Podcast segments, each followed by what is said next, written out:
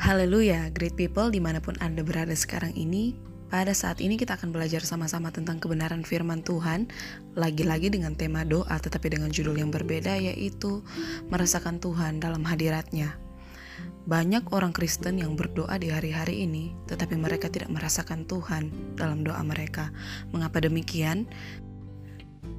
Karena banyak orang berdoa tapi memusatkan doa mereka untuk diri mereka sendiri. Mereka berdoa agar Tuhan beserta dengan mereka. Mereka berdoa agar Tuhan memberkati mereka. Mereka berdoa agar tidur mereka dijaga oleh Tuhan. Mereka berdoa agar makanan mereka diberkati oleh Tuhan. Ini adalah doa yang aman, safe prayer. Kita menjadikan hal ini sebagai rutinitas saja. Tetapi bagaimana kita dapat merasakan Tuhan dalam hadiratnya? Tetapi bagaimana kita dapat merasakan Tuhan ketika kita berdoa?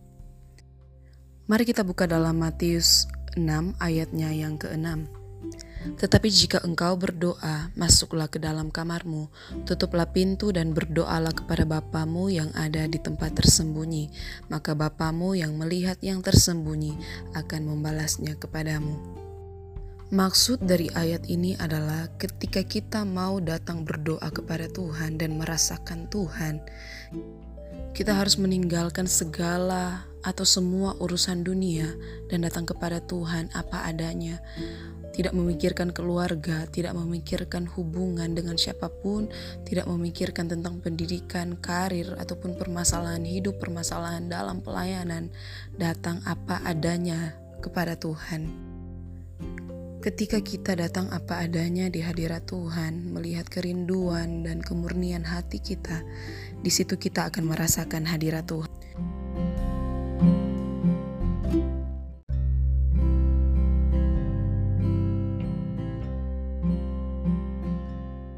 Kedua adalah Mazmur pasalnya yang ke-46 ayatnya yang ke-11 bagian A. Diamlah dan ketahuilah bahwa akulah Allah dalam terjemahan King James Version, di sana ditulis Be still and know that I am God. Tenanglah dan ketahuilah bahwa Dia Tuhan. Dalam kita berdoa kepada Tuhan, mari kita tetap tenang. Jangan selalu kita yang berbicara kepada Tuhan, meminta sesuatu kepada Tuhan. Mari datang diam di hadirat Tuhan dan dengarkan Tuhan berbicara kepadamu.